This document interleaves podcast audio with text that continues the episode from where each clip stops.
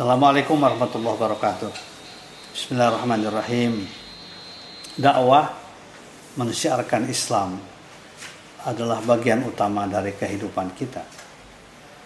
Dakwah yang dilakukan memang harus kita menggunakan teknologi supaya apa daya sebarnya lebih kuat, daya jangkaunya lebih besar.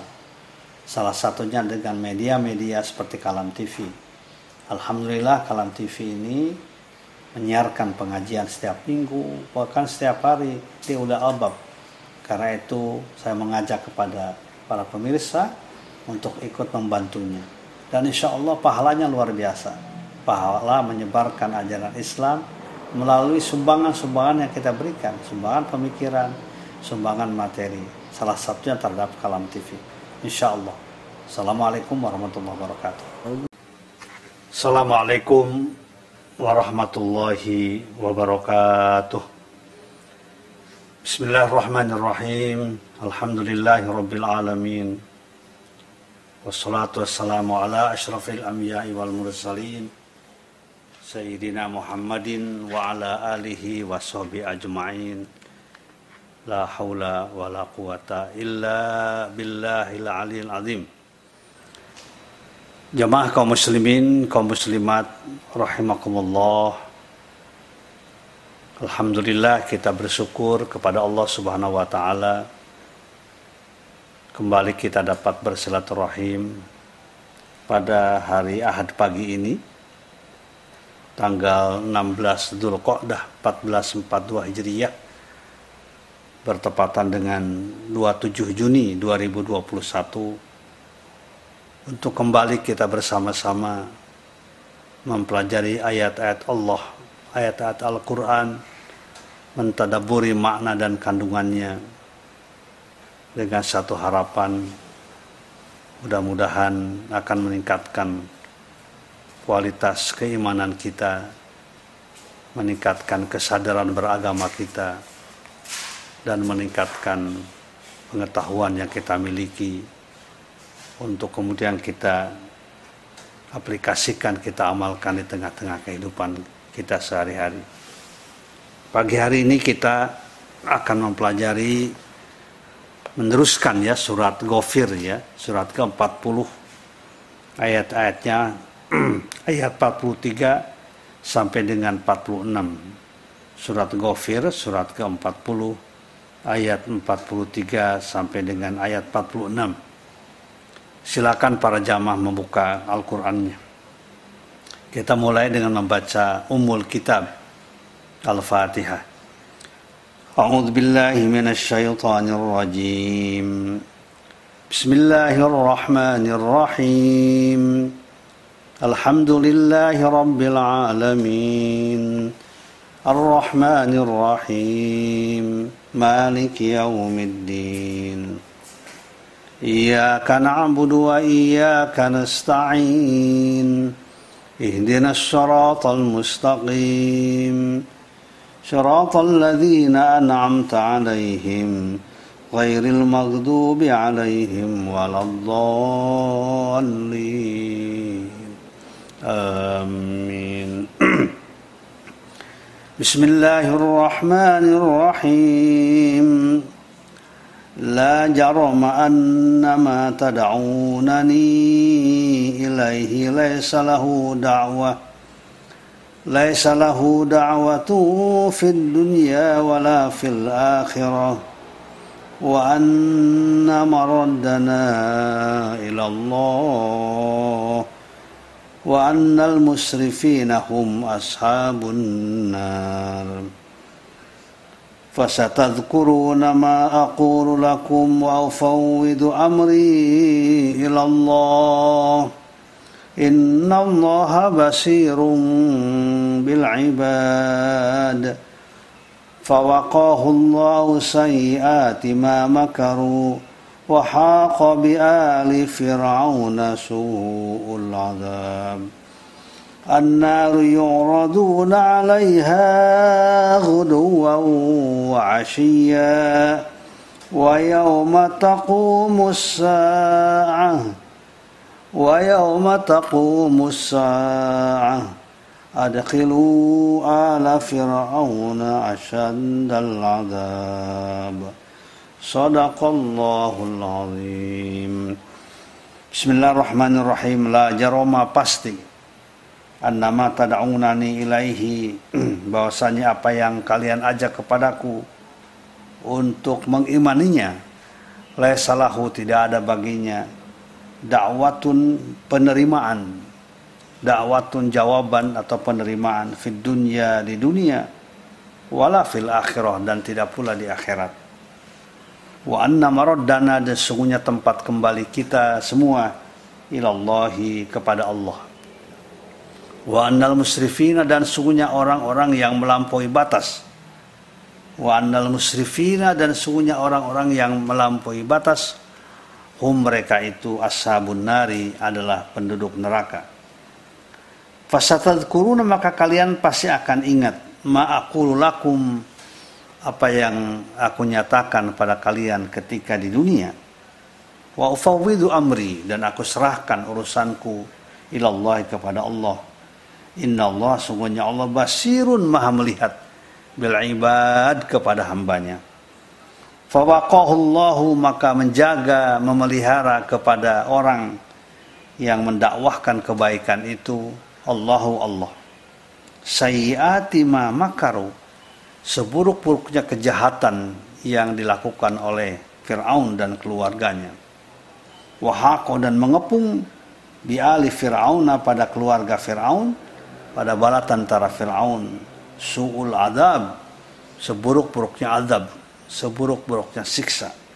An-naru neraka itu panasnya neraka yu'raduna dihadapkan kepada mereka. Alaiha pada neraka itu guduwa wa asyiya pada waktu pagi dan pada waktu petang. Wa yauma sa'atu dan pada hari datangnya kiamat ada khilu masukkan oleh kalian wahai malaikat ala fir'auna keluarga fir'aun para tentara fir'aun kaum fir'aun asyaddal adab pada seburuk-buruknya siksa pada sedahsyat-dahsyatnya siksa. Sadaqallahul adzim. Jamaah kaum muslimin, kaum muslimat rahimakumullah. Sebagaimana telah sama-sama kita ketahui bahwa manusia itu adalah makhluk yang diberikan oleh Allah Subhanahu wa taala dua potensi. Dua modal dasar tergantung mana yang dikembangkan, mana yang dikuatkan yaitu potensi untuk melakukan kebaikan dan potensi untuk melakukan kejahatan. Wa nafsi wa ma sawwaha demi diri manusia wa ma sawwaha dan apa yang Allah sempurnakan pada diri itu. Falhamaha fujuraha wa taqwaha. Maka Allah memberikan ilham, memberikan potensi pada diri manusia, pada diri kita, fujuraha wa taqwaha fujurnya, dosanya, jahatnya, watakwaha dan ketakwaannya. Qad aflah man. Sungguh telah bahagia orang yang membersihkan, mensucikan jiwanya itu, dirinya itu. Wa qad khaba. Dan sungguh sangat merugi orang-orang yang mengotori jiwanya, mengotori pikirannya dengan perbuatan-perbuatan yang buruk. Oleh karena itu maka potensi ini berkembang atau tidaknya sangat ditentukan oleh berbagai macam faktor, ditentukan oleh berbagai macam variabel, bisa ditentukan oleh pendidikannya, pergaulannya, gaya hidupnya, lingkungannya, ya dan lain sebagainya. Bahkan juga keyakinannya, kepercayaannya, sangat ditentukan oleh itu semuanya. Kalau faktor-faktor yang mengelilinginya adalah faktor-faktor yang baik, maka yang akan berkembang adalah qad aflaha Tetapi ketika yang mengelilingnya adalah sesuatu yang buruk, yang menimbulkan kesombongan, ketakaburan, kemaksiatan, maka yang akan berkembang adalah waqad khaba yaitu potensi-potensi buruk, potensi-potensi jahat. Bahkan potensi jahat ini kadang-kala berlebihan, israf, melampaui batas dari kewajaran tidak wajar secara akal sehat, tidak wajar secara nurani dan lain sebagainya. Contohnya dalam ayat ini adalah yang berkaitan dengan Fir'aun. Fir'aun kita tahu potensi buruknya luar biasa, potensi kekejamannya luar biasa. Bahkan berlaku israf, berlebih-lebihan, melampaui batas kekejamannya itu. Untuk mempertahankan kekuasaannya, dia mengaku sebagai Tuhan. Ana rabbukumul a'la. Kemudian juga untuk mempertahankan kekuasaannya, dia percaya kepada tukang sihir, tukang ramal. Bukan percaya kepada Allah, zat yang menciptakannya untuk kemudian menguatkan juga kejahatannya dalam membangun kekuasaan dengan bala tentaranya, dengan anak buahnya. Dia kemudian membunuh setiap bayi laki-laki yang lahir. Karena dikhawatirkan nanti akan merebut kekuasaannya, akan mengambil kekuasaannya. Jadi potensi buruknya itu, jahatnya itu musrifin. Berlebih-lebihan melampaui batas. Batas kewajaran sebagai manusia. Ia mengaku sebagai Tuhan mengadu domba antara sesama rakyatnya untuk kemudian diangkat yang satu, dihancurkan yang lain sehingga semuanya kemudian tunduk patuh kepadanya. Wa annal musrifin. Dan sungguhnya orang-orang yang melampaui batas itu kelak dia adalah hum ashabun nar. Mereka akan menjadi ahli neraka. Nah dalam ayat ini Allah menjelaskan la jaroma. Pasti ya hakon pasti. Annama tad'unani ilaihi. Sungguhnya yang kalian ajarkan yang kami ajak kepadaku untuk menyembah berhala laisa lahu da'watun fid dunya wala fil akhirah sama sekali tidak memberikan jawaban apabila kita panggil di dunia apalagi di akhirat nanti tetapi kita orang yang beriman wa anna maraddana ilallah ya sesungguhnya tempat kembali kita adalah Allah Subhanahu wa taala zat yang menciptakan semua makhluk yang mengendalikan keadaan, yang menguasai langit bumi dan segala macam yang ada padanya. Wa anna maraddana ilallah. Tempat kembali kita kepada Allah Subhanahu wa taala. Kemudian wa annal musrifina hum ashabun nar. Sungguhnya orang yang melampaui batas itu kelak dia akan menjadi ahli neraka. Ini adalah hal yang dinyatakan secara tegas pada surat Ghafir ayat 43 ini. Dan kemudian digambarkan juga pada ayat ini. Pasatadkuruna ma'akulu lakum. Kalian nanti di akhirat akan mengingat kembali apa yang aku sampaikan. Apa kebenaran yang aku sampaikan, haknya aku sampaikan. Ma'akulu lakum. Wa ufawidu ila wa ufawidu amri ilallah. Dan aku serahkan diriku kepada Allah subhanahu wa ta'ala Semuanya juga akan mengingat kembali apa yang terjadi di dunia, apa yang dilakukan. Orang-orang zalim, penguasa yang zalim, yang mempertahankan kekuasaannya dengan berbagai macam cara, nanti juga dia akan ingat apa yang terjadi, apa yang sudah dilakukannya. Tidak bisa berbohong, tidak bisa berdosa di hadapan Allah Subhanahu wa taala, bahkan mengaku ketika ditanyakan alam ya'tikum nadhir, tidakkah datang kepada kalian pemberi peringatan? Ya kalau bala kerja anak nadir. Sungguh telah datang kepada kami pemberi peringatan. Fakadzabna wa qulna ma nazallahu bin syai in antum illa fi dhalalin kabir. Mereka mengatakan benar sungguh telah ada pemberi peringatan para nabi dan rasul. Para dai telah menyampaikan kebenaran kepadaku. Fakadzabna. Tapi kami mendustakan. Dan kami mengatakan kalian sama sekali tidak menyampaikan apa pun juga tetapi mereka akhirnya kuruna ma'akulu laku. Mereka kemudian akan ingat apa yang aku ceritakan dan mereka akan menyatakan lau kunna nasma'u au naqilu ma kunna fi ashabis sair. Andaikan kami mau mendengar, andaikan kami mau mendengar, au naqilu atau kami mau berfikir, mendengar dan berfikir. Inilah barangkali dua alat yang perlu kita hidupkan dalam kehidupan sekarang di dunia. Dua potensi ini harus kita hidupkan, harus kita tajamkan. Anugerah dari Allah. Lau kunna nasma'u. Kalau kita mau mendengar, mendengar nasihat, ya, mendengar ajakan yang baik. Lau kunna nasma'u. Au naqilu. Kemudian mau berpikir bahwa kita ini walaupun sekarang kita punya segala macam, waktunya akan habis kita hidup di dunia, akan sementara. Ya, tidak akan kekal, tidak akan abadi. Nakilu berfikirlah itu bahwa kita tidak akan abadi. Kekuasaan ada batasnya, harta juga ada batasnya, umur kita ada batasnya, kekuatan kita ada batasnya. Au nakilu kami mau berpikir makunna fi ashabis sa'ir maka kami tidak akan menjadi ahli neraka.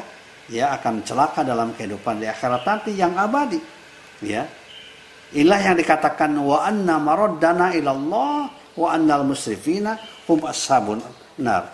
Ya bahwa mereka yang yang melampaui batas dalam kehidupan di dunia kelak akan menjadi orang-orang yang menjadi ahli neraka dia akan disisa oleh Allah dalam bentuk dua hal. Dicontohkan ya bagaimana Firaun ujung kehidupannya. Pertama adalah al-gharqu fid dunia. Dia ditenggelamkan di dunia ini. Ditenggelamkan sehingga matinya mati dalam keadaan tenggelam. Matinya dalam keadaan dia kesombongan luar biasa. Walaupun ujungnya dia mengatakan amantu annahu la ilaha illalladzi amanas Banu Israel wa ana minal muslimin. Ya. Kami beriman, kami yakin bahwa aku ini bukan Tuhan. Tuhan yang benarlah Tuhan yang disembah oleh Bani Israel. Tapi Allah menolak pengakuan yang semacam itu. Karena pengakuan yang disampaikan secara terpaksa. Bukan dasar keimanan kepada Allah. Tapi secara terpaksa. Karena tidak ada lagi kondisi akan mendukung dia. Yang akan membela dia yang akan mempertahankan dia. Sehingga Allah menegaskan al-ana wa qad asaita qablu wa kunta minal mufsidin. Kau sekarang mengatakan demikian di hadapanku. Al-ana qad asaita. Sungguhnya engkau telah maksiat menentang ajaranku, perintahku. Wa kunta minal mufsidin. Bahkan bukan sekedar menentang, minal mufsidin. Termasuk ke dalam kelompok yang menghancurkan kehidupan. Yang merusak kehidupan ya yang menghancurkan tatanan kebaikan. Yang menebarkan hasud dengki iri dan lain sebagainya. Mengadu domba dan lain sebagainya. Maka rasakanlah oleh kalian balasan dari Allah Subhanahu wa taala. Yang mengerikan ya ya pada ayat ini juga Allah menceritakan tentang bahwa Firaun dan kelompoknya itu akan diapakan? An-naru yu'radun wa haqqa bil ali fir'aun sul adab ya akan dilingkungi oleh seburuk-buruknya azab. Sementara orang yang beriman ya yang mengajak pada kebaikan dijaga oleh Allah. Di dunia dijaga, di akhirat apalagi dijaga. Fawaqallah. Ya. Gak perlu ragu-ragu akan dijaga semuanya oleh Allah Subhanahu wa taala. Fawaqahullahu sayyiati ma makaru. Dari keburukan-keburukan kejahatan yang mereka lakukan. Wahaqa bi ali fir'auna su'ul adab dan akan dikelilingi Fir'aun dan bala tentaranya itu su'ul adab ya dengan adab yang sangat dahsyat, yang sangat berat, yang sangat buruk. Bagaimana bentuknya? Di sini jelaskan ya. An-naru yu'raduna 'alaiha guduwa wa Ketika dia di alam kuburnya, setiap pagi dan sore itu akan datang apa api neraka membakar dia. Inilah Inilah ayat yang secara tegas menggambarkan adanya azab kubur.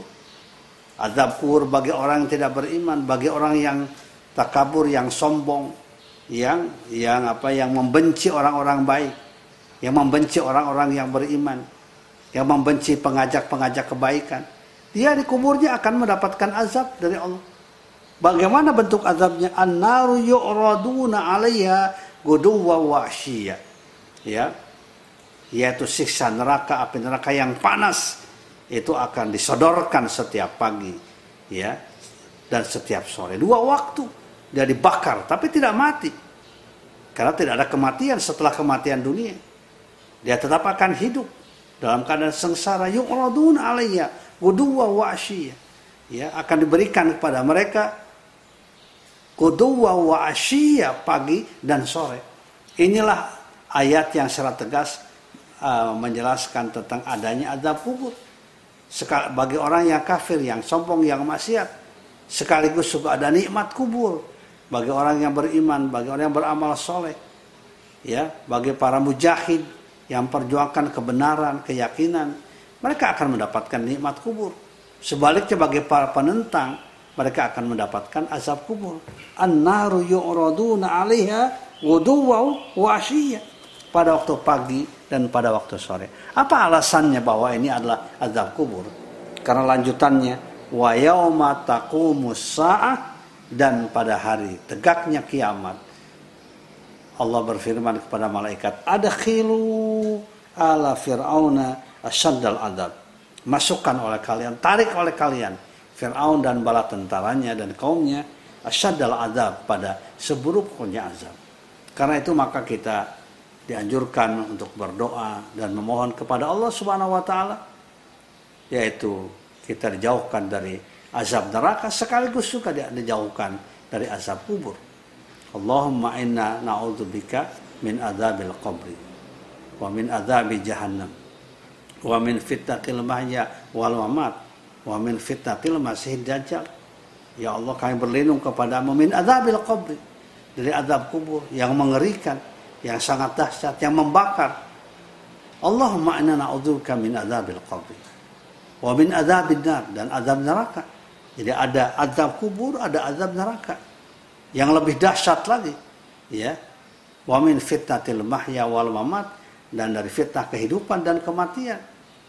Apa yang dimaksud dengan fitnah kematian? Yang disebut dengan su'ul khotimah artinya yang dikatakan su'ul khotimah itu bahwa orang yang sudah mati orang yang semati yang diingat oleh orang yang masih hidup itu adalah keburukannya walaupun tentu ada kebaikannya tapi kebaikannya hilang ya dalam pikiran orang-orang yang masih hidup.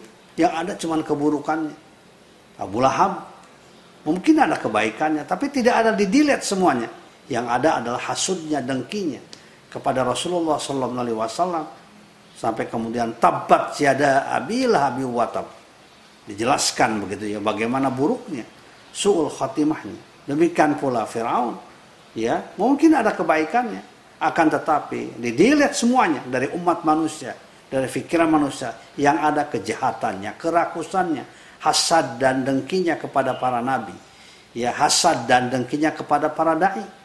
Itu semuanya akan didilit. Yang ada adalah hasadnya, dengkinya, kejahatannya pada pembunuhan anak-anak, laki-laki, pada kepercayaannya kepada tukang-tukang sihir, tukang-tukang ramal dan lain sebagainya. Akalnya tidak dipergunakan, rasionya tidak digunakan, nuraninya tidak ada, itu yang dikatakan fitnatil mahya wal mamat.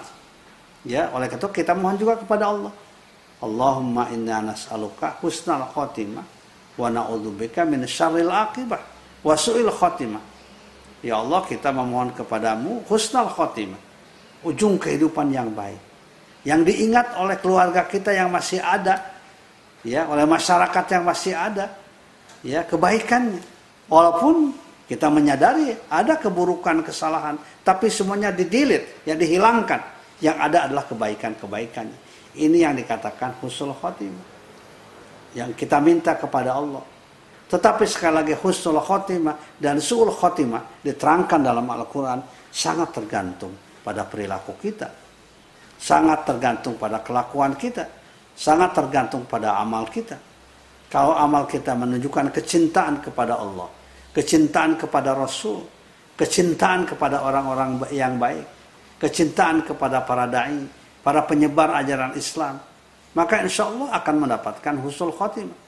Tapi ketika yang terjadi kebencian kepada Allah, pada ajarannya, ya kebencian pada Rasul memfitnah, ya orang-orang baik dan lain sebagainya, tentu akan mendapatkan suul khotimah. Jadi husul khotimah dan suul khotimah di samping anugerah dari Allah Subhanahu wa taala husnul khotimah, tapi juga ditentukan oleh sejauh mana ya amaliyah perbuatan amaliyah yang kita lakukan dalam kehidupan kita.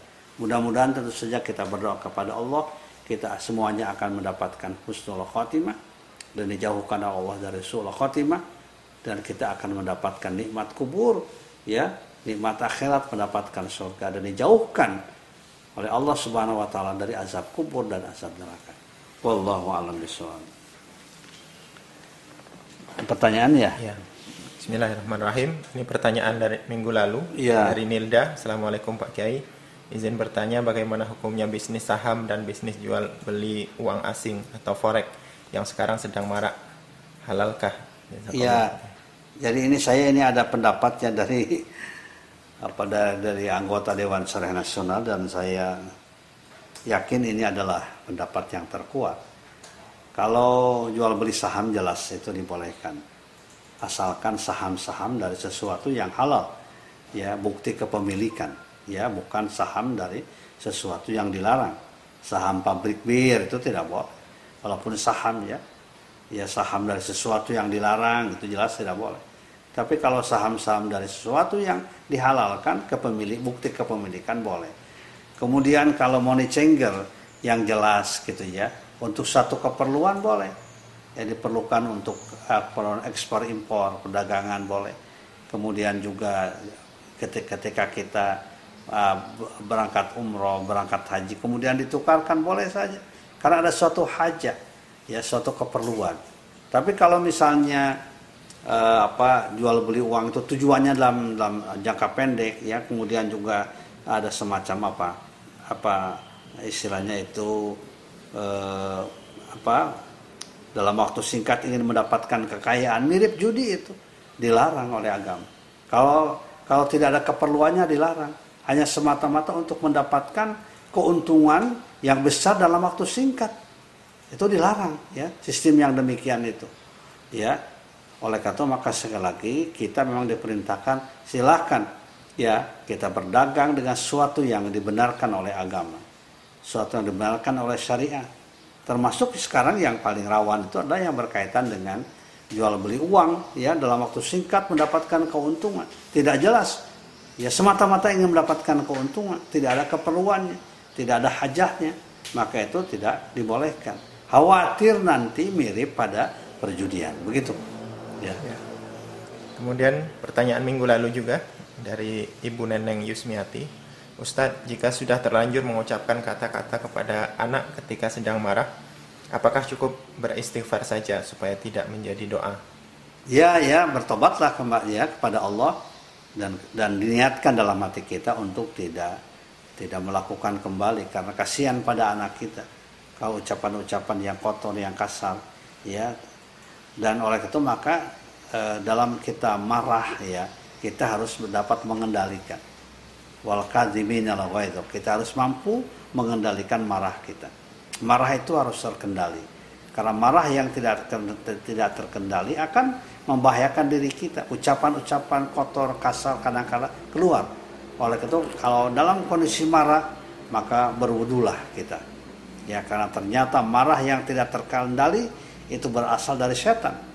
Dan setan terbuat dari api ya dan api itu akan padam dengan air bukan sembarang air ini airnya adalah air wudhu yang yang membasuh muka kita membasuh tangan kita kepala kita membasuh kedua kaki kita. Insya Allah itu akan mendinginkan hati kita. Ya jadi ketika kita marah kemudian kita berwudulah dengan wudhu yang sempurna. Insya Allah marahnya bisa dikendalikan. Dan al-kadzibin al mengendalikan marah itu adalah salah satu tanda utama dari orang-orang yang bertakwa. Silakan dilihat ya dalam surat Ali Imran 132 itu. 132 133 ya alladzina yunfiquna fis sarra'i wad dharra wal kadhimina al ghaidha wal 'afina 'anil nas wallahu yuhibbul muhsinin. Dari Pak Irfan Badrul Jamal Hari ini pemberi peringatan alias dai di negeri kita banyak didustakan, bahkan ditangkap dengan pasal yang dibuat-buat. Apakah kita juga termasuk yang kena azab karena kekhawatiran abai terhadap kondisi tersebut? Iya, tentu kita diperintahkan tetap ya, tidak boleh kita mundur ya dalam melaksanakan mengamalkan kebaikan. Tidak boleh kita kemudian khawatir dan takut ya untuk menyampaikan kebenaran. Sampaikan kebenaran ya dengan cara yang baik, dengan caranya hikmah. Walaupun selalu ada resikonya. Ya. Tetapi kita yakin bahwa ketika kebenaran disampaikan, ya, ketika wahyu Allah disampaikan dengan baik dengan hikmah, maka insya Allah Allah akan menjaga kita. Fawaqahullahu sayyiati ma makaru. Ya, Allah akan menjaga dari keburukan apa yang mereka niatkan, kejahatan. Ya, sayyiati ma makaru dijaga oleh Allah Subhanahu wa taala. Jadi karena itu dalam kondisi apa pun kita berharap bahwa para dai tetap dia apa? Dia tetap menyampaikan ajaran Islam. Tidak boleh ada kekhawatiran yang berlebih-lebihan. Ya. Mudah-mudahan akan selalu ada kelompok yang demikian. Dan Nabi mengatakan dalam sebuah hadis, "Lan tazala taifatum min ummati dhahirina 'alal haq la yadurruhum man khalafahum hatta ya'tiya amrullah." Ya. Lan tazala tidak akan pernah berhenti taifatun min ummati sekelompok dari umatku dhahirina 'alal haq. Ya. Terus menyampaikan kebenaran. Ya. Uh, apa yadurruhum man khalafahum tidak akan merasa sakit kepada mereka, madurat kepada mereka, orang yang menentang. Artinya sunnatullah kalau kebaikan itu ada yang menentang. Ya, oleh karena itu maka kita terus dekat dengan Allah. Ya, berlindung kepada Allah Subhanahu wa taala, takut kepada Allah Subhanahu wa taala, mengajarkan agama, menyampaikan ajaran Islam dengan cara yang baik, dengan cara yang hikmah. Insya Allah Allah akan menjaga kita. Kita yakin itu. Ya, contohnya ayat yang barusan saja kita baca fawaqahullahu sayyiati ma makar. Allah menjaga ya seorang mukmin seorang padahal dia sendirian dari keluarga Firaun yang beriman. Ya, di samping Nabi Musa dan Nabi Harun ya dijaga oleh Allah dari keburukan makar-makar orang-orang yang buruk. Ya, dan kita terus berlindung kepada Allah Subhanahu wa taala. Dari Ibu Komariah Ahmad, Assalamualaikum Pak Kiai. Apa sebabnya potensi jahat bisa mendominasi pada orang Islam sehingga berbuat zalim? Iya, karena tidak mau mendengar tadi, tidak mau berdengar, tidak mau berpikir. Kalau orang masih mau mendengar dengan pendengaran yang baik, ya, orang mau masih mau melihat kebenaran, ya, orang masih mau mengucapkan kebenaran, itu insya Allah potensi keburukannya akan ter minimalisir ya. Tapi ketika tidak mau mendengar tidak mau menerima nasihat tidak mau menerima kritikan kritikan dianggap kebencian mau menjatuhkan nasihat dianggap mau menjatuhkan ya di situlah kemudian eh, apa kezaliman kejahatan akan merajalela menguasai apa hatinya menguasai pikirannya dan selalu melihat orang lain dalam kacamata hasud dalam kacamata suudzon dan ini sangat bahaya kan. Ketika yang mendominasi pikiran kita, kacamata kita sudah berubah menjadi kacamata suudzon. Ya, ini sangat bahaya. Berburuk sangka terus sama orang baik. Padahal menyampaikan Al-Quran, menyampaikan hadis, mengajak pada kebaikan. Ya, keselamatan dunia dan akhirat. Berdasarkan pada wahyu Allah yang dijamin kebenarannya bersifat mutlak. Ya, itulah yang akan terjadi yang akan dominan pada kehidupan seseorang ketika orang tidak mau berpikir dan tidak mau mendengar. Tapi ketika masih mau mendengar siapa pun juga, ya, apalagi tidak berdusta, tidak berbohong, maka insya Allah, ya, apa potensi kejahatannya akan bisa dimina, diminimalisir. Tadi saya menyampaikan firman Allah ya dalam surat uh, Al-Mulk Tabarok ayat 10 Wa qalu kunna nasma'u aw naqilu ma kunna fi ashabis sa'ir. Fa'tarafu bi dzambihim fasuhqal li ashabis sa'ir. Gitu. Dari Sepi Juwana, Assalamualaikum Pak Kiai. Mohon penjelasannya di ayat 46. Kepada mereka diperlihatkan neraka pada pagi dan petang. Jazakallah khairan. Iya, itu dalam berbagai tafsir ya. Itu dikemukakan tentang apa? bahwa ayat ini an-naru yu'raduna diperlihatkan dan disodorkan. Jadi jadi Firaun itu aluf dan aluf Firaun itu setiap pagi dan sore di alam kuburnya sekarang dalam kuburnya dia dia apa disodorkan kepada apa siksa neraka yang panas ya dibakar gitu ya ya tapi belum seberapa dibandingkan nanti ya dibandingkan dengan siksa nerakanya ya ini panasnya diberikan kepada mereka karena kejahatannya tadi. Kejahatan orang-orang yang jahat. Jadi di sini di apa dikatakan ya ay an-naru yuharriquna biha sabahan wa masa'an. Api neraka membakar mereka di dalam kuburnya sabahan wa masa'an pada waktu pagi dan pada waktu sore. Jadi dua kali dibakar oleh sisa neraka. Qala mufassirun berkata para ahli tafsir al muradu bin nari huna narul kubur. Ya wa adabuhum. Yang dimaksud dengan nar pada ayat ini ya pada ayat ini yaitu ayat apa an-naru yuraduna alaiha ya itu adalah wa adabul qabri ya di azab kubur ya. Kenapa? Bidalili qauli ta'ala dengan dalil firman Allah taala wa wa yauma taqumus sa'a adkhilu ala fir'auna asyaddal azab jadi lanjutan ayat itu itu menggambarkan di, di apa di, di di neraka tadi. Wa yauma taqumus sa'a. Dan pada saat berdirinya kiamat adkhilu ala fir'auna. Masukkan oleh kalian keluarga Firaun bala tentara Firaun kaum Firaun asyaddal azab pada seburuknya azab itulah dia neraka jadi ini adalah menggambarkan sebelum ya dimasukkan ke dalam neraka mereka sudah diazab oleh Allah dengan azab kubur dalam bentuk tadi an-naru yu'raduna. Panasnya neraka disodorkan disuguhkan pada mereka dihidangkan pada mereka. Ya asyi apa? Pada waktu pagi dan waktu sore. Naudzubillah min dzalik dari Ibu Sri Sudaryanti, Assalamualaikum Pak Ustadz, bagaimana pendapat Pak Kiai dengan ketidakadilan di negeri ini yang baru saja dipertontonkan oleh para hakim dan jaksa dan penguasa dalam memberikan hukum pada ulama? Ya, ya kita juga harus menyadari bahwa semua apa uh, peradilan ya hukum di dunia ya yang tidak adil itu pasti akan dibalas oleh Allah Subhanahu wa taala. Bahkan saya mengingatkan pada para hakim ya para jaksa ya bahwa Nabi mengatakan ya bahwa al qudatu salasah bahwa para hakim itu terbagi pada tiga kelompok ya. Wahidun fil jannah ya. Isnani finnar ada dua kelompok. Ini ini hadis yang mengatakan itu ya. Siapa yang akan masuk ke dalam neraka itu? Pertama adalah dia tahu hak tapi tidak mau. Dia menetapkan berdasarkan pengetahuannya yang hak itu. Dia tahu siapa yang salah. Ya, tapi tidak mau ya dia menetapkan berdasarkan pengetahuan yang dimilikinya. Maka dia akan masuk dalam neraka. Ya, dan yang kedua adalah e, orang yang tidak tahu hak, tidak tahu kebenaran, dia putuskan. Ya, dia akan masuk neraka. Sedangkan yang masuk surga adalah hakim yang tahu kebenaran dan dia tetapkan berdasarkan kebenaran itu. Ya, jadi oleh itu maka bukan main-main ya pengadilan di dunia. Ya, itu bukan main-main, akan ada implikasi ukhrawinya.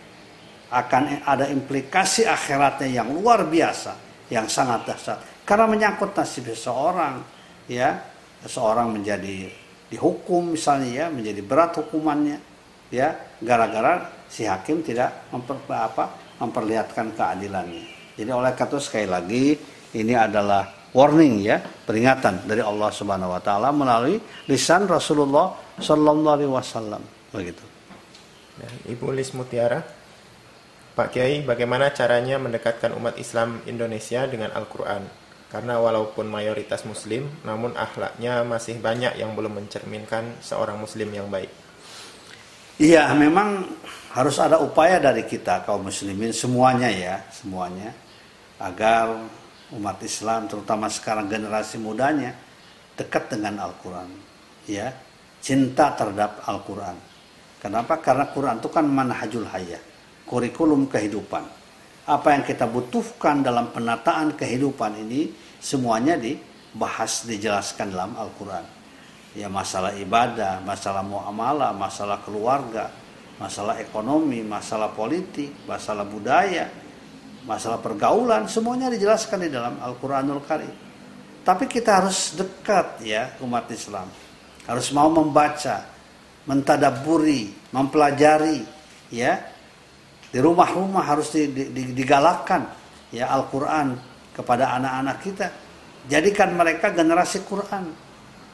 Dan kalau kita berusaha para orang tua, para guru semuanya di lingkungan masing-masing mendekatkan anak-anak kita dengan Al-Qur'an, harapan kita mudah-mudahan mereka akan menjadi generasi Quran.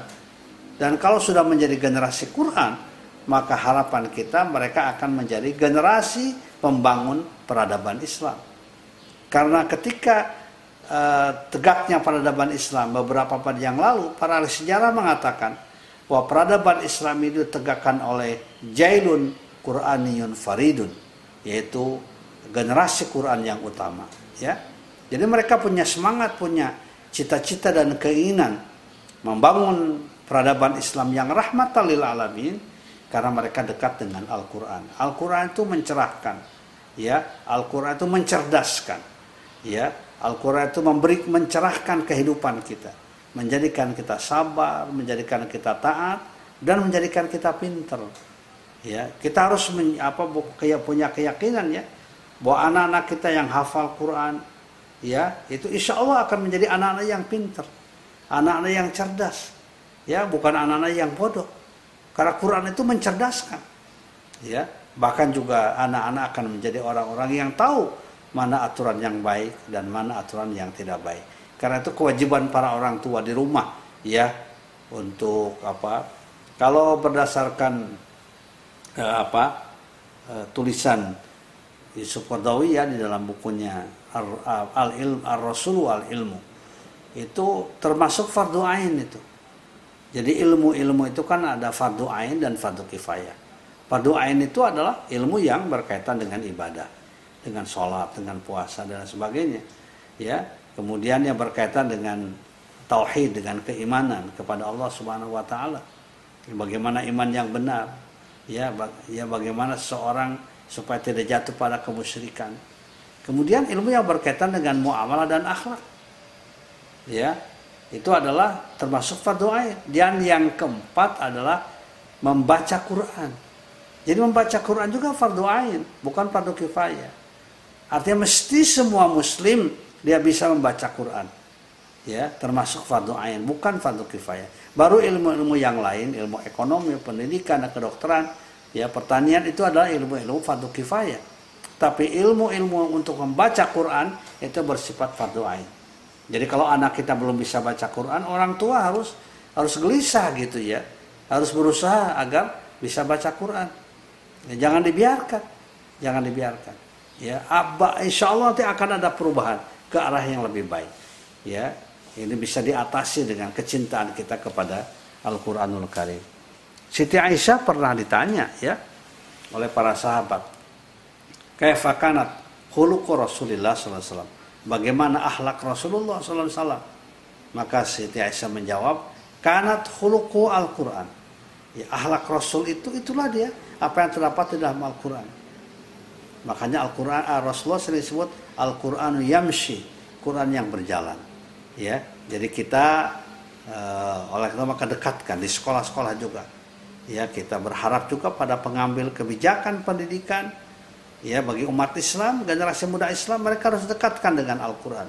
Insya Allah mereka akan tasamu, mereka akan tolerans, ya, mereka akan berjiwa besar, cinta tanah air, cinta umat, cinta bangsa ya itu kalau di apa diberikan pendidikan Al-Qur'an. Jangan dihalangi. Ya, bahkan harus didorong ya kegiatan anak-anak kita supaya mereka cinta kepada Al-Qur'anul Karim. Dari Pak M Najib Suwarno, izin bertanya Pak Kiai terkait topik kekuasaan dan fasilitas itu penting untuk penguatan dakwah agar tidak dikatakan tidak melampaui batas. Apa saja rambu-rambunya? Mohon nasihat. Mohon Pak. Kiai intinya sih amanah ya. Intinya amanah. E, ketika gini ya ketika Nabi Yusuf ya diminta mengatasi hal-hal yang berkaitan dengan apa dengan logistik masyarakat Mesir ya dengan pangan. Karena ketika itu diprediksi akan terjadi kemarau ya kemarau yang panjang tujuh tahun. Bayangkan kalau kemarau nya panjang tujuh tahun itu akan terjadi kelaparan karena sungai Nil itu akan surut ya. Kemudian beliau mengatakan ij'alni ala khazainil ardi ini hafizun alimun.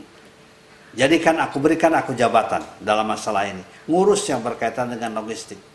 Khazainil ard ya. Karena aku akan apa dengan tim ya gitulah kalau sekarang memiliki dua sifat. Nah dua sifat inilah yang harus dimiliki oleh para pejabat, para pemegang kekuasaan, supaya betul-betul uh, kekuasaan itu menjadi sarana kebaikan. Apa? Hafizun yang pertama, hafizun itu amanah, terpercaya, menjaga amanah. Ya, bisa dipertanggungjawabkan. Ya, memelihara, trustable, bisa dipercaya. Itu yang pertama. Yang kedua, alimun punya ilmu yang berkaitan dengan tugasnya itu. Jadi sekali lagi Hafidun alimun itu dua hal yang utama yang harus dimiliki oleh setiap orang yang mendapatkan amanah jabatan. Kalau tidak, maka jabatan, harta dan ilmu itu akan justru akan menjadi apa? Menjadi menjadi rusak ya, bukan bermanfaat bagi kehidupan. Gitu. Ibu Rina Budiati, Pak Kiai izin bertanya, sekarang maksiat meningkat kebatilan menguasai kebenaran. Sebagai muslim, apa yang harus dilakukan untuk menghadapi hal tersebut? Banyak fitnah termasuk pemimpin malah yang mencontohkan kebatilan. Ya, artinya kita memang harus apa ya? semakin semakin menguatkan komitmen kita untuk mempersembahkan yang terbaik dalam kehidupan kita sesuai dengan kemampuan kita. Apa yang bisa kita lakukan, kita lakukan. Di keluarga kita, di lingkungan kita. Kalau kita menjadi dosen, mahasiswa kita jadikan mahasiswa mereka pejuang-pejuang. Bukan sekedar punya pengetahuan, ada ruh, ya, ruhuddin, ruhul haya yang diberikan kepada mereka. Ya, kalau kita orang tua, jadikan keluarga kita adalah keluarga tadi yang punya ruh, ya punya nilai-nilai dalam membangun ya dalam membangun kebaikan ya. Jadi sekarang ini apa yang bisa kita lakukan kita lakukan ya. Dan jangan kita kemudian takut di dalam melakukan kebaikan ya. Jadi harus yakin betul itu yang harus kita lakukan sekarang kalau tidak maka akan apa ya intervensi dari kebatilan akan semakin dominan semakin kuat tapi saya yakin bahwa bagi keluarga-keluarga muslim yang menghidupkan nilai-nilai keislaman di dalam keluarganya, insya Allah punya pertahanan diri yang kuat. Saya contohkan ya dalam surat eh, apa? Surat Maryam ayat 50-an coba. Terus saya lihat ya. Surat Maryam ayat eh, ayat 50 itu di situ dikatakan tentang bagaimana cara menguatkan anak-anak kita supaya mereka cinta kepada agama ya. Dan apa indikatornya? Ternyata kan indikatornya bahwa akan terjadi generasi yang rusak ya. Fa khalafa min ba'dim khalfun adaa'us shalah wattaba'us syahawat fa yalqawna ghayya.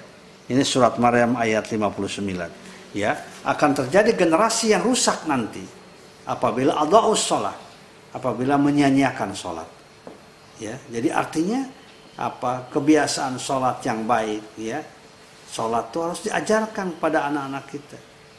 Harus dikuatkan. Jangan sampai menyanyiakan sholat. Bukan meninggalkan menyanyiakan apalagi kalau sampai meninggalkan. Karena kalau sudah adaus sholat wattaba'us syahwat. Mereka akan mengikuti hawa nafsunya. Akan akan rapuh pertahanan dirinya. Tidak punya kepercayaan diri tidak punya pertahanan diri ketika menyanyiakan sholat. Fasaufa yalqauna ghayya. Maka kemudian akan dilemparkan pada kesesatan-kesesatan. Gitu. Dari Pak Dodi Tarmidi.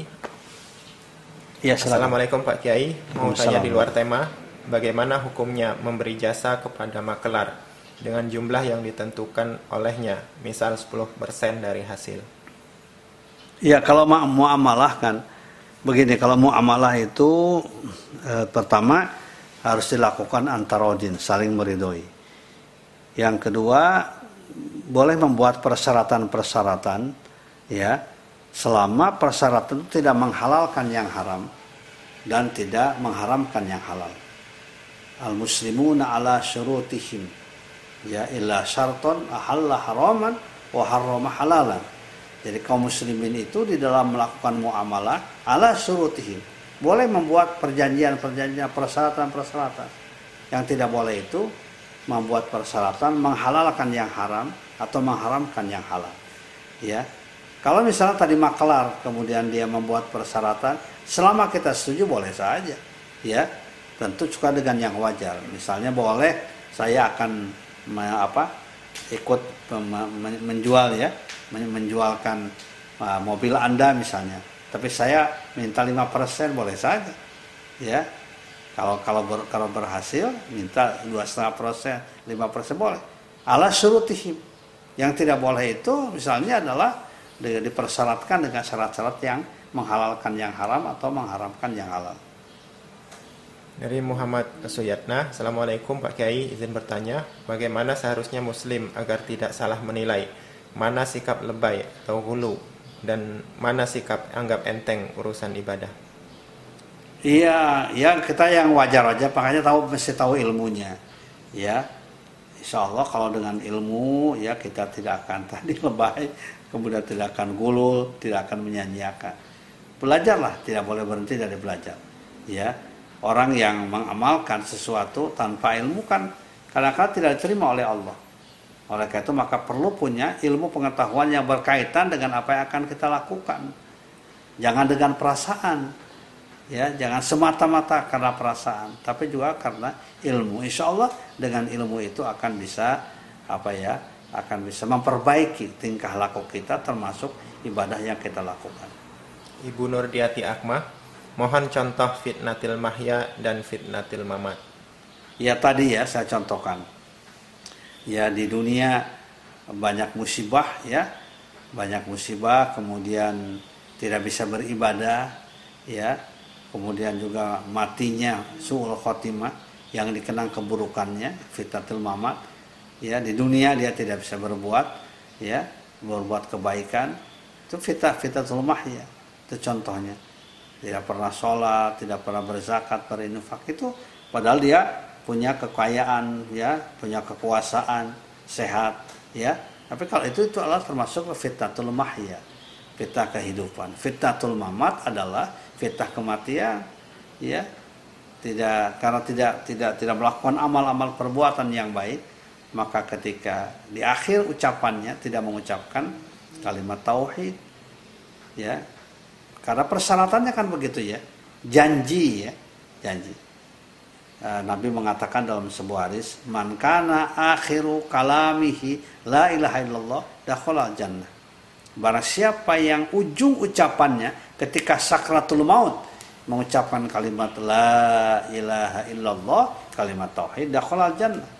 Maka dia akan masuk ke dalam surga. Cuman dia akan mampu mengucapkan ya di kalimat terakhir ketika sakratul maut ya oleh Allah ya di apa di dengan anugerah Allah mengucapkan kalimat tauhid ketika dia biasa mengucapkan kalimat tauhid ketika sehat ya biasa beribadah. Contohnya yang tidak beribadah kan itu.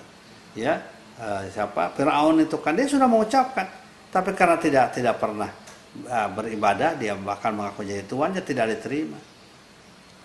Ada sebuah hadis ya ketika Abu Talib pamannya Nabi sakratul maut, ya, nah kemudian Rasulullah mengatakan, ya Abu Talib, ya, wahai Abu Talib, ucapkan oleh engkau ucapan kalimat tauhid.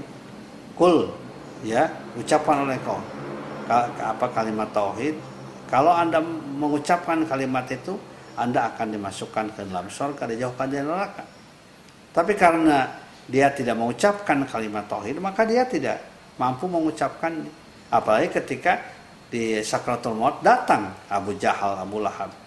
Ya mereka mengatakan ya Abu Talib atarqabu amillati Abdul Muttalib. Wahai Abu Talib ya apakah engkau akan pada saat sakratul maut ini apakah engkau akan meninggalkan agama lama? Karena dia diam kan?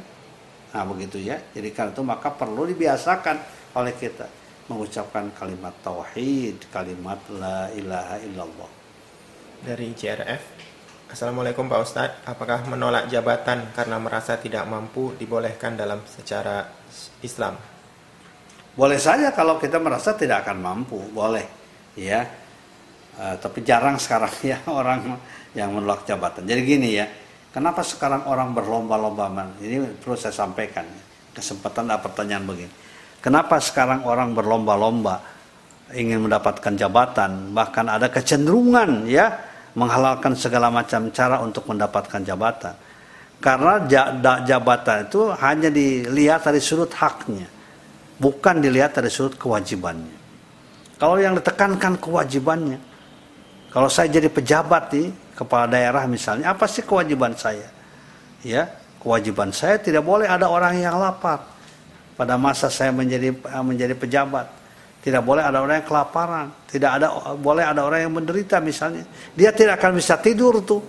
Ingin mengetahui apakah rakyatnya malam itu bisa apa sudah makan atau belum. Tapi kalau yang dipikirkan cuma haknya, ya akhirnya kan tidak pernah bekerja.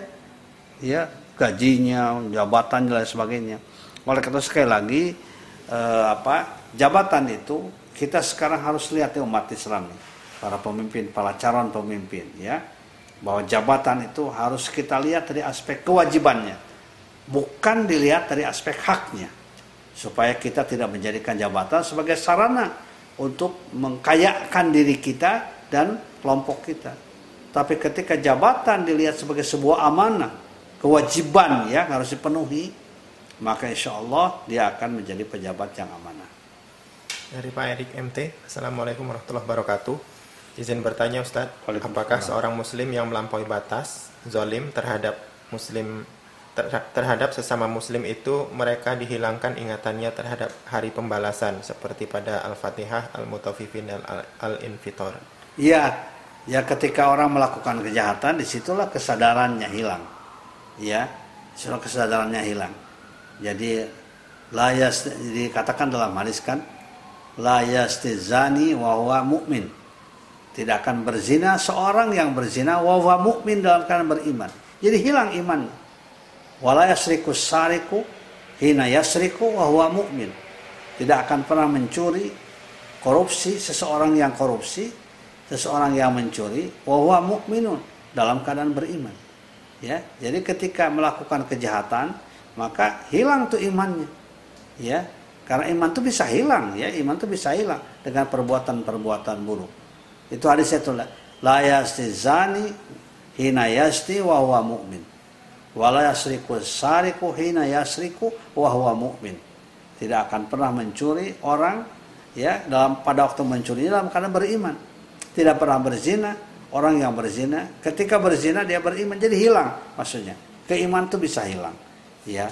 Eh, demikian pula kesadarannya akan hilang ketika dia melakukan kejahatan. Makanya kita harus berusaha menghindar ya semaksimal mungkin jangan sampai terjatuh kepada kezaliman, terjatuh pada kejahatan dan lain sebagainya.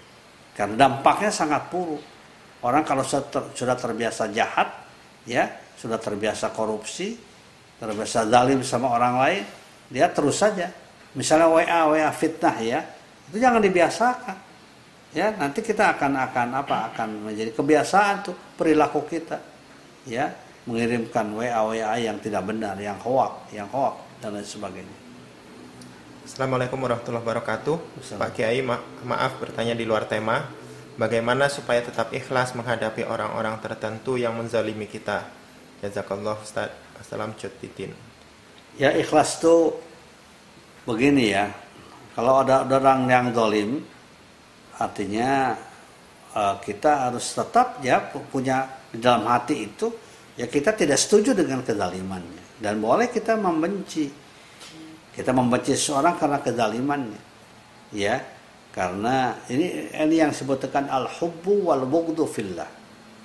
Ya, kita mencintai seseorang karena keadilannya, kejujurannya, misalnya seorang pejabat karena keadilannya, kejujurannya. Dan kita membenci karena kezaliman yang dilakukan. Inilah dikatakan al-hubbu wal bughdu fillah.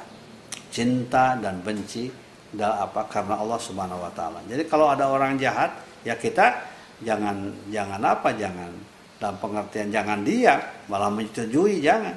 Tetap minimal ya minimal kita benci pada kejahatan itu.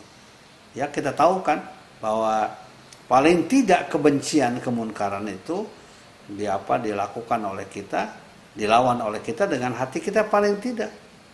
Ya, jadi tidak boleh kita ridho terhadap kezaliman. Ya, kita tidak boleh ridho terhadap kezaliman. Tetap dalam hati kita harus benci pada segala bentuk kezaliman, apa pun juga yang namanya kezaliman harus kita benci. Itu minimal ya. Kalau kita tidak bisa memberikan nasihat, pada orang yang zalim.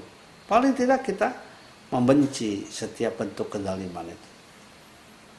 Dari Pak Malik Kastolani, mohon jelaskan tentang ayat fa'alhamaha fujuraha wa taqwaha. Terima kasih. Ya fa'alhamaha Allah memberikan ilham ya, memberikan potensi lah fujuraha ya, fujurnya apanya? kejahatannya. Jadi ada ada unsur-unsur kejahatan pada diri kita. Watakwaha dan ketakwaannya. Jadi Allah mengil, jadi artinya memberikan kepada manusia itu ke, apa, kemampuan untuk melakukan kejahatan, kemampuan juga untuk melakukan kebaikan. Oleh karena itu maka perlu diapakan tuh? Qad aflaman zakkaha perlu dilakukan tazkiyah, tazkiyatun nafas dengan pendidikan yang baik, dengan agama yang baik, dengan ibadah yang baik. Itu insya Allah akan terminimalisir ya potensi keburukannya. Ya wa qad khaba man dasaha. Merugilah orang-orang yang dasaha, dia mengotori jiwanya. Potensi buruknya dikembangkan gitu, berbohong, berdusta, ya pekerjaannya berbohong kan ada ya pemimpin yang begitu berbohong. Kalau sudah pekerjaannya berbohong itu yang potensi keburukannya yang ada, kezalimannya yang ada, ya. Dan itu yang dikatakan waqad khoba mandassaha. Ya, sungguh sangat merugi orang yang mengotorinya. Ya, silakan saya kira ini bagus ini ya, direnungkan kembali dibaca surat Asy-Syams itu ya. Syamsi, surat ke-91. Ya, ini adalah uh, apa Allah berfirman dengan wasyamsi waduhaha wal qamari ya ada matahari ada bulan ya kemudian juga ada siang ada malam dijadikan sumpah oleh Allah ya kemudian menjelaskan tentang manusia makhluk yang oleh Allah diberikan kesempurnaan sekaligus juga diberikan potensi-potensi. Pertanyaan terakhir Aisyah Channel izin bertanya saat ini banyak kezaliman yang didukung yang didukung. Mohon menjelaskan sesuai surah Hud ayat 113. Surat Hud ayat 113. Kita lihat dulu ya supaya jangan salah ya. Ya, yang ya, yang jelas bahwa uh, kezaliman ya bagaimanapun juga harus kita benci. Orang yang beriman tuh benci pada setiap kezaliman. Apa pun bentuk kezaliman itu. Apalagi kezaliman kepada Allah, musyrik, kezaliman kepada sesama, ya. Oleh karena itu maka pada khutbah yang kedua kan eh, apa dia bukan di ini ya bukan dipersyaratkan. Tapi selalu dia, dianjurkan dulu itu. Ya untuk membaca surat An-Nahl ayat 90 An-Nahl 90 kan itu ya. Innallaha ya'muru bil adli wal ihsan wa ita'idil qurba wa yanha 'anil fahsya'i wal munkari wal bagh nah itu ya wal bagh wal bagh itu adalah uh, kezaliman, kejahatan ya. Tadi 100 berapa? 13. 113 ya. Wala tarkanuna betul ya. Wala tarkanu ilal ladzina zalamu fatamassakumun nar wa ma lakum min dunillahi min awliya tsumma la tunsarun. Ya, kita jangan apa? Jangan jangan cenderung ya membela orang-orang zalim jangan. Wala tarkanu ilal ladzina zalamu fatamassak kita justru harus membenci orang-orang yang zalim ya baik membencinya itu dengan memperbaikinya mengoreksinya ya maupun juga dengan kita mengatakan bahwa ini adalah perbuatan anda perbuatan salah jangan kemudian kompromi dengan kezaliman ya membenar apalagi kalau kita membenarkan perilaku zalim. Nah itu sangat bahaya. Inilah ayatnya. Wala tarkanu ilal ladzina zalamu fatamassakumun nar. Ya jangan kalian cenderung condong pada orang yang zalim. Nanti akan kena azab kepada kalian. Ya wa ma lakum min dunillahi min awliya sumala tunsurun. Ya dan tidak ada baik kalian selain Allah min aulia daripada apa apa, apa dari penolong sumala tunsurun kemudian kalian nanti akan diberi, tidak akan pernah diberikan pertolongan oleh Allah. Jadi intinya adalah yang namanya kezaliman ya kita harus tumbuhkan kebencian pada kezaliman siapa pun kita. Ya karena zalim itu umat Islam itu tidak boleh berlaku zalim dan tidak boleh membiarkan kezaliman. Ya la tadlimuna wala tudlamun itu padahal dalam dalam ayat itu dalam bidang ekonomi itu la tadlimuna wala tudlamun jangan kalian berlaku zalim pada orang lain wala tudlamun dan jangan kalian membiarkan diri diperlakukan zalim oleh orang lain ya Kezaliman itu kejahatan yang luar biasa. Ya. Bahkan di dalam apa sebuah hadis dikatakan ada dua dosa ya yang sering saya sampaikan. Dua dosa yang akan dipercepat azabnya oleh Allah, bukan sekedar di akhirat tapi juga di dunia. Ya, pertama adalah do, apa buruk sama orang tua, tidak berlaku sopan pada orang tua, ya, membantah menentang orang tua. Yang kedua berlaku zalim sama orang lain. Ya, Coba kita lihat ya penguasa-penguasa yang zalim. itu semuanya ujungnya kan menderita di akhir kehidupannya karena kezaliman yang dilakukannya. Jadi inilah ya wala tarkanu ilal ladzina zalamu fatamassakumun nar. Ya jangan kalian cenderung ya bahkan membela orang-orang zalim akan tertimpa pada kalian azab neraka. Ya mudah-mudahan ya kita dijaga oleh Allah Subhanahu wa taala, kita menjadi orang-orang yang adil ya. Apa pun pekerjaan yang kita lakukan ya itu adalah tetap kita harus berlaku adil dalam diri kita. Karena adilan keadilan berdekatan dengan takwa. Adil identik dengan takwa. I'dilu huwa aqrabul takwa. Adilah kalian itu sangat mendekatkan pada ketakwaan. Ada ya doa ini. Hmm. Pertama dari Pak Solihin Ahmad, jamaah kajian tafsir Jalalain. Mohon doakan keluarga kami Ustadz dan saudara-saudara yang menyimak kajian ini yang sedang isolasi mandiri hmm, sudah ya. seminggu ya. sekarang susah tidur dan sesak sedikit. Jazakumullah ya. khairan. Kemudian dari Salih Wazali, semoga Pak Kiai dan semua jamaah dalam kesehatan. Mohon doanya Pak Kiai supaya kami sekeluarga selalu dalam kesehatan. Kemudian dari Pak Wawan Rizki, mohon doanya kami sekeluarga selalu dalam hidayah Allah Subhanahu wa taala dalam kondisi sehat, rezeki yang berkah dan dimudahkan dalam menyelesaikan hutang-hutang. Iya, baik. Itu doa-doa khusus ya. Tapi intinya sama sih semua juga. Pertama kita berdoa memohon kepada Allah bahwa saudara-saudara kita yang sakit sekarang ini ya disembuhkan dan dimudahkan urusannya oleh Allah Subhanahu wa taala. Dan kita semuanya para jamaah, keluarga kita, masyarakat kita ya yang kita cintai mudah-mudahan menjadi orang-orang istiqomah dalam iman dan amal soleh. Kemudian juga tadi ada yang punya masalah khusus ya, mudah-mudahan urusan-urusannya ya utang piutangnya ya dimudahkan oleh Allah Subhanahu wa taala. Karena utang piutang itu kan memberatkan ya, memberatkan kehidupan kita. Tapi yakinlah ketika kita punya niat untuk membayar, insya Allah bisa membayar dengan sebaik-baiknya janganlah kita pinjam kecuali berniat untuk membayar. Insya Allah nanti akan dimudahkan oleh Allah Subhanahu Wa Taala.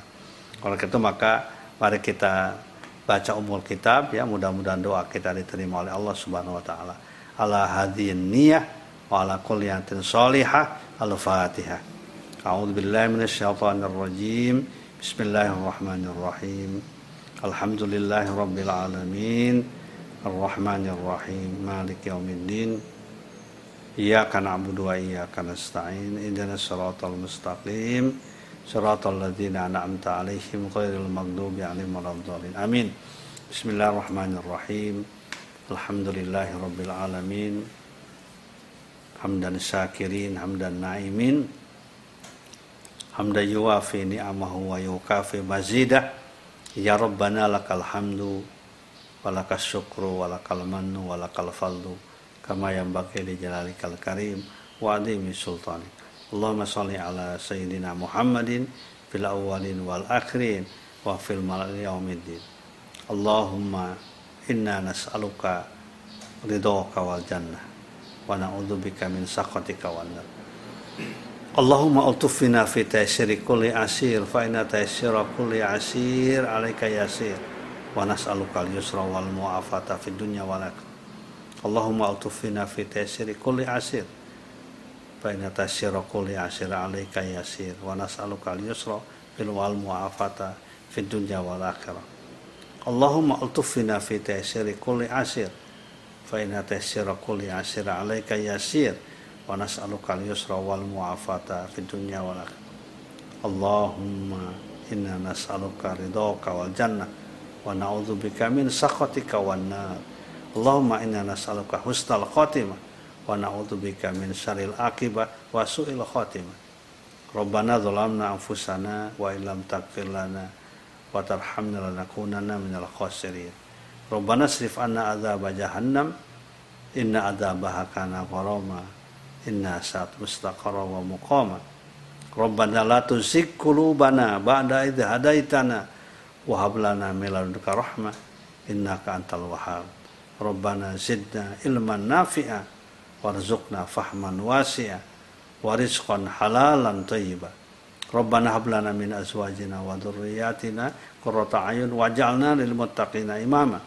Rabbi ij'alni muqimas shalah wa min dhurriyyati Rabbana wa taqabbal du'a. Rabbana atina fid dunya hasanah wa fil akhirati hasanah wa qina adzabannar. Rabbana taqabbal minna innaka antas samiul alim wa tub alaina innaka antat tawwabur rahim. Wa sallallahu ala sayyidina Muhammad Subhana rabbika rabbil izzati amma yasifun wa salamun ala mursalin walhamdulillah rabbil alamin. Kita akhiri dengan doa kifat majelis mudah-mudahan kita bertemu lagi pada hari Ahad yang akan datang dalam keadaan sehat walafiat. Subhanakallahumma wa bihamdika asyhadu an la ilaha illa anta astaghfiruka wa atubu ilaih. Assalamualaikum warahmatullahi wabarakatuh.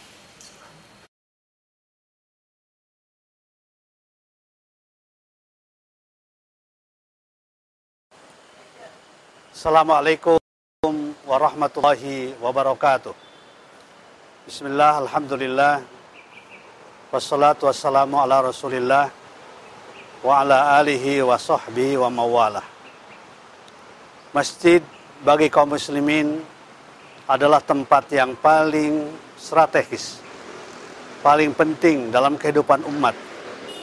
Kita bisa melaksanakan sholat berjamaah, kita bisa melaksanakan kajian-kajian keislaman, mempersatukan umat, membangun ukhuwah Islamiyah. Oleh karena itu maka setiap masjid harus kita dukung, baik pembangunan secara fisik maupun juga kegiatan-kegiatannya. Masjid di tempat saya berdiri sekarang adalah Masjid Al-Hijri 2, kampus UIK Bogor, yang sekarang sedang mengalami terus-menerus peningkatan pembangunannya karena itu saya mengajak kepada saudara-saudara kaum muslimin, kaum muslimat, di mana pun Anda berada, untuk ikut berpartisipasi, memberikan sebagian dananya, harta yang dimilikinya, termasuk doanya, agar masjid Al-Hijri 2 ini segera bisa diselesaikan dengan baik. Semoga Allah Subhanahu wa taala membalas amal ibadah saudara sekalian dan akan memberikan pila nanti di rumah di surga Allah Subhanahu wa taala. Amin ya rabbal alamin. Assalamualaikum warahmatullahi wabarakatuh.